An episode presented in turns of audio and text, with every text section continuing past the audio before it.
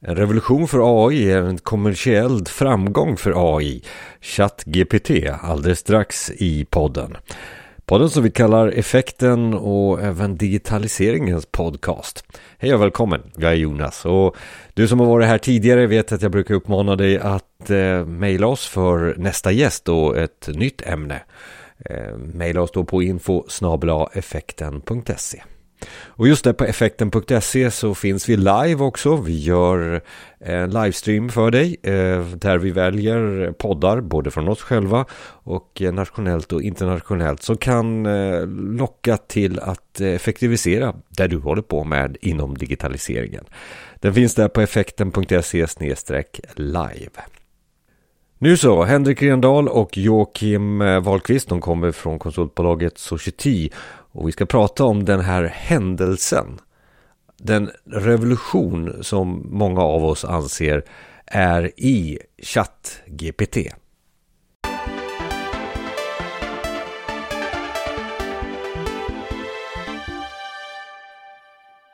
Det har aldrig varit så snabbt att vi har kommit till ett specifikt ämne i podden efter bara 13 dagar att ämnet har varit ute där och handlar om ChatGPT ett, eh, en, en, kommersiell variant utav AI som vi nu känner att de flesta har börjat ta till sig. Så eh, i podden, Henrik och, och Joakim och Jocke, ska vi börja här. Vad är ChatGPT? Om vi plockar ner det först. Ja, vi kan ju börja med det är det senaste från OpenAI.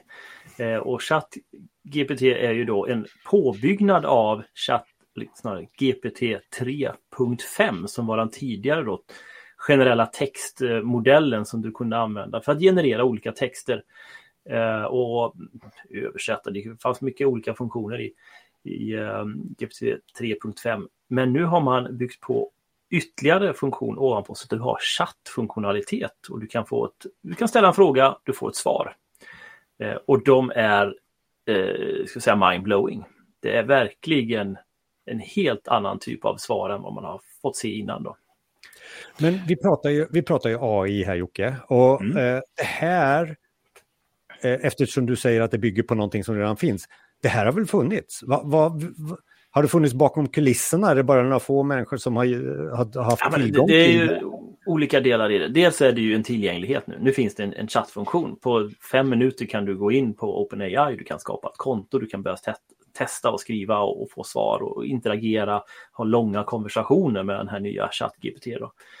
Sen är det ju också så att man har byggt ny funktionalitet ovanpå den tidigare GPC 3, 3.5 som fanns då.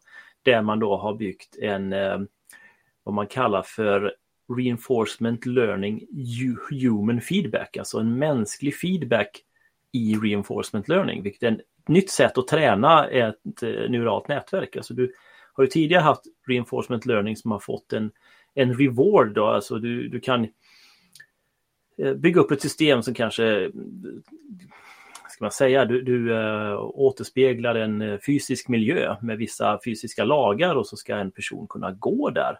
Då kan du så trial and error, du kan testa dig fram med en algoritm och säga okej okay, det här funkade inte, det här funkar lite bättre, det här blev ännu bättre, det här funkar inte. Och efter ett tag så kommer den förstå att det är så här jag ska göra för den, den liksom reinforced learning med hela tiden en, en feedback. Det man har gjort nu det är ju att skapa reinforcement learning även i kontexten av en dialog och text, vilket inte varit möjligt innan, för du har inte kunnat bygga in på något sätt en direkt feedback loop utifrån eh, mänsklig kommunikation. Men det man har gjort då är att generera upp många olika förslag på, eh, Eh, på svar på en, en, fråga i en chatt och sen har man haft mänskliga personer som då har suttit och gett feedback tillbaka och säga att det här rankas högst, lågt, mittemellan och så har man tränat om modellerna så att de blir bättre baserat på den mänskliga feedbacken. Och det är ett helt nytt sätt att arbeta. Jag kan väl tillägga också till det att eh, vi har ju tidigare också haft den här Instruct GPT som eh, ju har gjort liknande saker men eh, den har ju också fått ganska mycket kritik för att inte ha några ramar vare sig när det kommer till moral, etik eller heller vad som är möjligt. Jag såg till exempel en fråga som ställdes eh, vad skulle ha hänt om Columbus besökte USA i år? Och den började ju spinna ut en lång text om vad som hände och så här vidare utan att egentligen kritisera frågan eller ifrågasätta frågan på något vis. Och mycket utav det har ju kommit till nu också i ChatGPT här också. Då. Och det intressanta här, är bara på de här 13 dagarna som har gått här nu så har man ju då genom den mänskliga feedbacken, för det är så att går du in och skapar ett konto på OpenAI, du testar det här, så gör man ju det för att man också ska ge feedback och vara en del i den här träningsprocessen. Så att du kan på varje svar ge bra eller dåligt, tumme upp och du kan skriva en liten kommentar. Och baserat på den här frågan om Columbus kom till, eh, till New York idag så har ju personer då gett en negativ feedback på det svaret. Så om du går in idag och skriver det, då börjar ChatGPT säga att men, Columbus, han har ju varit död i 400 år. Men om han skulle komma till New York nu så skulle han förmodligen tycka att det vore jättemärkligt på grund av de här skillnaderna i tiden. Så redan nu under de här dagarna så ser man hur den här mänskliga iterationen och reinforcement learning med human feedback faktiskt fungerar. Eller, eller eh, machine learning överhuvudtaget. Aha, är det där vi baserar intelligensen på i, i, i AI? Så, ja. Eh, men vi har ju sett exemplen redan komma eh, och de har varit eh, ganska så, så enkla att förstå. Just att den kan skriva artiklar. Vi har hamnat i, vi som jobbar med IT har ju sett kod till exempel genereras genom att jag bara säger att den ska göra en Hello World-kod i Python så gör den det och den lägger till också, det tycker jag är imponerande, den lägger till att ja, du kan ju skriva den här koden men du behöver ha de här verktygen också för att exekvera koden. Så, eh, och jag är jätteimponerad. Är det några mer exempel som ni är imponerade över och jag vill också komma till varför vi är imponerade över det. Men, men är det några exempel här, Henrik, då, om vi börjar? Med Ja, nej, men en sak som jag tycker är väldigt intressant med den här nya tekniken är ju detta att du kan utveckla ditt svar. Så att om du börjar att ställa en fråga och så är du inte riktigt nöjd med svaret så kan du ju fortsätta konversationen och detaljera din fråga och då kommer ju den här funktionen ihåg vad du har sagt tidigare och då liksom bygger ihop detta till en helhet. Och det gör ju att du verkligen får ut det som du vill få ut av den här genererade texten. Eh, en annan sak som jag är väldigt imponerad av är ju också att du kan ju också säga till den att den ska göra det i en viss stil. Om du har en favoritförfattare till exempel och så vill du att den här texten ska vara formulerad som den författaren, då kan du ju be eh, botten om att göra detta, eller AI då rättare sagt. Och då blir det i den stilen som Hemingway eller Shakespeare eller vad du nu vill ha för någonting då, vilket jag tycker är extremt coolt. Kan man ju fundera på, kan man också be AI här att, att skriva kod som är min favoritprogrammerare i framtiden. Ja, det var dit jag vill komma Jocke. Jag har sett exempel själv där. Det är någon som har sagt så här, gör nu det här programmet i JavaScript. Och så gör den i JavaScript, men mitt under när den skriver så här, så säger, gör, nu lägger jag också styling med ta Tailwind, vilket är ett ramverk för design. Då ändrar den koden i realtid. Eh, för oss som jobbar med systemutveckling, ah, fantastiskt. Sen vet jag inte, Jocke, och nu får du liksom, det är inte så här om man ska göra liknelse vid en, vid en bok eller ett kapitel här. Alltså, den kan ju inte skriva en bok, men den kan gott och väl skriva ett kapitel när det gäller text, kod eh, och, och, andra delar. Eh, så ja. uppfattar jag det. Okay. Mm. Jo, men så är det. Och det, jag tror faktiskt att det också beror på att OpenAI har begränsat det, det, det, är någon form av compute i bakgrunden här som faktiskt kostar för någon när vi ställer de här frågorna. Så jag tror man har till viss del begränsat hur långa svaren kan bli. Jag tror teknologin där bakom kommer kunna skriva hela böcker. Och du kommer kunna säga att det här slutet vill jag ha eller jag vill ha den här, den här typen av twistar i boken och så kommer den kunna generera det. Det, det har vi nog bara skrapat lite på ytan. Ja, alltså ska vi ta några hemska exempel Henrik? Har vi några hemska exempel eh, det här kan göra? Eh, akademiska värld tycker allting är hemskt just nu, till exempel man kan fuska på rapporter och eh, så. Eh, eller är det något annat du har sett? Ja, nej, men om vi säger den gamla versionen, om man tar lite historik först, den fick ju väldigt mycket kritik just för att den kunde vara rasistisk och den kunde eh, säga alla möjliga otrevligheter och den kunde också användas för att skapa propaganda helt enkelt i olika syften. Då. Eh, och där har man ju byggt in en del skyddsmekanismer nu. Men det är ju fortfarande så att eh, det här AI, det försöker bevisa den tesen som du ställer framför den. Eh, vilket gör ju att du får ju ändå vara lite kritisk till svaren för att se att det verkligen kommer ut någonting vettigt. Och för att då svara på din fråga här så Ja, det är klart att eh, det här kan ju användas i den akademiska världen då för att fuska med eh, uppsatser eller examensarbeten eller vad som helst egentligen. Och eh, så som den fungerar idag så ser jag väl kanske inte det som en jättestor begränsning för det måste ändå vara en människa som utvärderar det som det här AI ändå skriver för att då bedöma om det låter vettigt överhuvudtaget. Men om vi då tänker oss en framtid här då, när det blir ännu lite bättre det här då skulle det absolut vara så att det inte går att skilja från en forskares arbete eller en students arbete. Och jag kanske inte nödvändigtvis vill se det där som ett problem, utan det är väl snarare en naturlig utveckling att vi får nya verktyg för att framställa material. Eh, jag, menar, jag är helt övertygad om att det var massor av människor som var jätteupprörda när det kom datorer från första början och alla hade använt penna och papper innan det och nu helt plötsligt skulle man börja använda datorer. Det var ju helt förkastligt. Men vet man kanske till och med hade samma diskussion när tryckpressen kom en gång i tiden, vad vet jag. Munkarna som satt och skrev sina böcker var jätteupprörda över att det hade kommit en tryckpress där. Och ehm, jag ser det väl ändå som en eh, naturlig utveckling och i skiftet, ja visst, då är det alltid konflikter och problem, men sen över tid så ser man det som ett naturligt verktyg istället. Men, men Jocke, alltså det här har ju funnits i flera år. Vi har ju pratat AI, vi har pratat machine learning och Elon Musk har visat på självkörande bilar och sådär. Men va? varför säger Henrik det här som han säger nu? Alltså, Eh, det är nu det kommer det här revolutionen på något sätt. Eh, ja.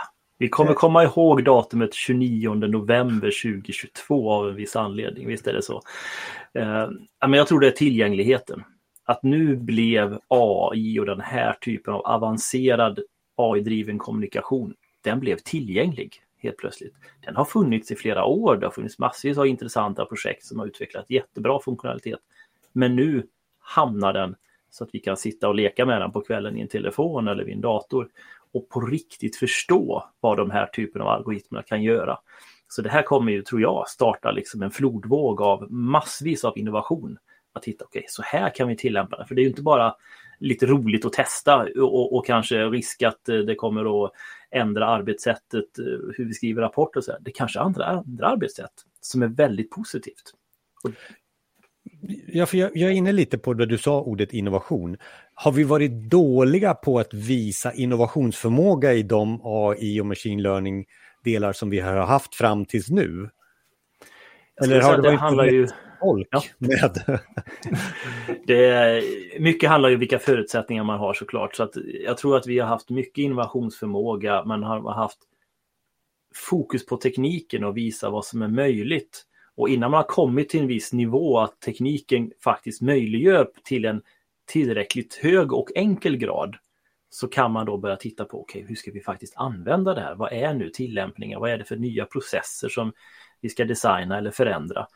Då kan man ju liksom ändra mindset och börja fokusera där. Eh, och de förutsättningarna har inte funnits förrän nu. Och är inte det där egentligen samma livscykel som det är för all teknik? Jag menar när någonting nytt kommer så är det de där superteknikerna som kan använda det. Sen blir det lite mer tillgängligt och då kanske ja, mer ordinära tekniker kan använda det. Men den stora utbredningen den sker ju först när det blir en demokratisering av tekniken. Mm. Och vi har ju sett exakt samma mönster till exempel med smartphonen. Jag menar, all den teknologin fanns ju innan, men där hittade man ett sätt att demokratisera tekniken som gjorde att det fick en helt enorm spridning verkligen. Så du menar det här är iPhonen, den här när de sätter ihop telefoni och internetdevice och så? Eh, jag, jag skulle vara tydlig med att säga att det är första versionen av iPhonen. Vi har haft många generationer sedan dess. Det var bra sagt. Men Henrik, du var inne på det här. Vilka eh, yrkeskategorier utrotar vi nu då med eh, ChatGPT? Ja, vi kan väl tänka oss att i alla fall de som inte bidrar med någon egen kreativitet i sitt skrivande, de borde ju känna sig lite eh, ja, rädda om sitt jobb just nu och så. Men Eh, Eh, jag tycker ändå man har sett genom världshistorien att det är bara det att människan hittar nya saker att göra snarare än att den inte har någonting att göra. Eh, man förflyttar från en typ av uppgifter till en annan typ. Och jag tror väl alltid alltid det kommer finnas behovet av människor som skriver. Men man kanske kan tänka sig att eh, framtidens, eh, ja, i alla fall lite enklare författare, det kanske är de som är superbra på att skriva de här formuleringarna till AI som gör att den producerar rätt saker helt enkelt. Mm. Så vi kanske får en sorts eh, språklig programmerare helt enkelt i framtiden som då i första hand kanske är författare och liknande som då har den språkliga kunskapen som krävs. För att lägga till där då, mm. så tycker jag att man tittar historiskt, det som har hänt i alla teknikskiften, vare sig det är ångmaskinen eller robotisering eller el eller vad det nu är för stora tekniksprång som kommer, så är det ju så att vi människor kan helt plötsligt göra mer med den tid som vi spenderar på olika sätt. Och det här tekniksprånget kommer göra exakt samma sak. Vi kommer kunna utföra mer med den tid vi har. Och, och visst är det ju så att i våra liv idag när det ska hinnas med allt från morgon till kväll, vad det nu innebär, vi är stressade, vi har mycket att göra och kan vi då faktiskt få hjälp att automatisera vissa saker så tror jag att många kommer se det positivt. Och sen är det ju ändå så att vissa kommer att få hitta kanske nya arbetsuppgifter. Men de kommer finnas, absolut så är det så. Ja, man ser ju där i världshistorien också när de här tekniksprången har hänt som du beskriver här Joakim, eh, så har det också blivit en boost i kreativitet. Eh, det kan man ju se till exempel eh, tryckpressen när den kom. Århundradet efter där var ju det mest kreativa århundradet som man hade haft under väldigt lång tid. Och det bevisar väl just vad som händer när människor får väldigt mycket tid tillgängligt och dessutom inte minst kunskap i det fallet också. Då. Eh, så jag tror bara det kommer innebära positiva saker. Ja, och, och, och, på slutet här Jocke, vi, vi som har jobbat med, med AI länge, eh, och den här frågan har ju säkert funnits om och om igen, men nu så känns den relevant igen. Hur ska jag då tänka runt AI dagligt arbete? Du var ju inne lite på svaret här, men, men om du skulle vilja avsluta här med några ja, men, kärnfulla grejer. Så. Ja, men precis. Jag skulle vilja Eh, så att mindsetet är ju att vi ska automatisera allt vi gör. På något sätt. Precis som man har gjort i industrin. Under decennier så jobbar man med att robotisera olika manuella arbetsmoment och sen människorna finns ju kvar i industrin. Det är inte så att fabrikerna är tomma. Man går där och fixar och ändrar och donar och liksom ändrar processerna, skapar nya, ser till att vi optimiserar och håller kvalitet. Och precis på samma sätt kommer det bli här så att de här AI-funktionerna kommer att genomföra momenten som tidigare var manuella. Och vi människor kommer vara där och designa de här modell, momenten och, och hela processen och se till att det finns kvalitet och att det håller etik såklart och moral och den typen av aspekter som också kommer bli viktiga i det här. Då. Henrik, samma fråga till dig. Mm. Ja, nej men eh, jag är väl lite inne på samma linje där, eh, men eh, jag skulle också vilja ta den här vinklingen som vi redan har varit inne lite grann på just vad det kommer göra för den akademiska världen.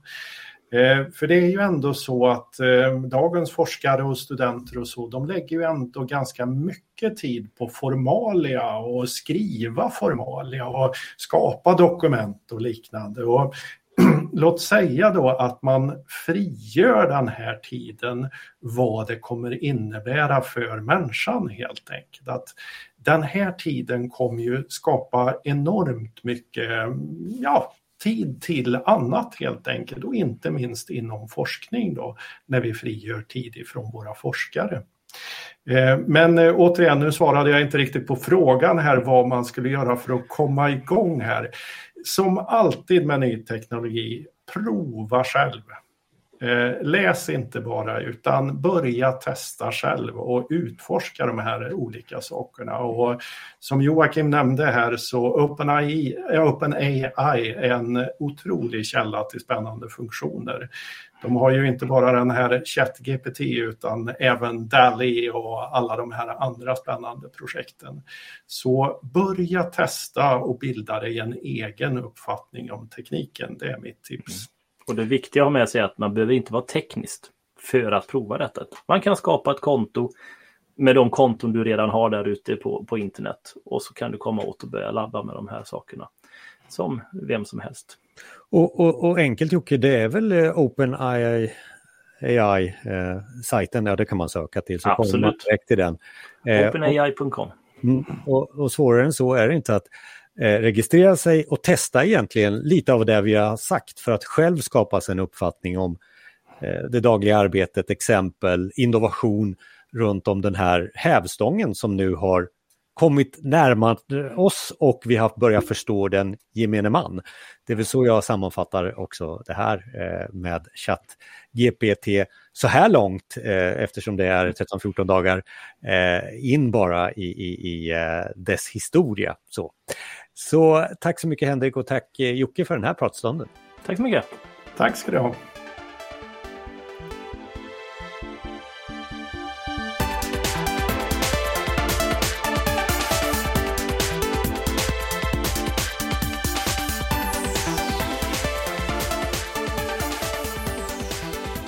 För att du har lyssnat till podden Effekten. Starta gärna en prenumeration på Spotify eller Apple Podcast för bara att nämna några av alla de här podcastkatalogerna som finns. Och där på Apple, eh, Apple Podcast och även Spotify så kan du ge oss lite betyg och ta i där och ge så många stjärnor som möjligt så vet vi om att det här avsnittet och podden är relevant för dig i ditt dagliga arbete med digitaliseringen.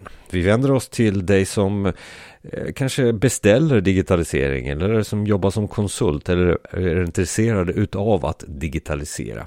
Vi tar ämnet eh, väldigt, väldigt brett, vilket innebär att vi fyller det med eh, goda exempel om eh, hur man lyckas med de olika ämnena vi tar upp i varje avsnitt.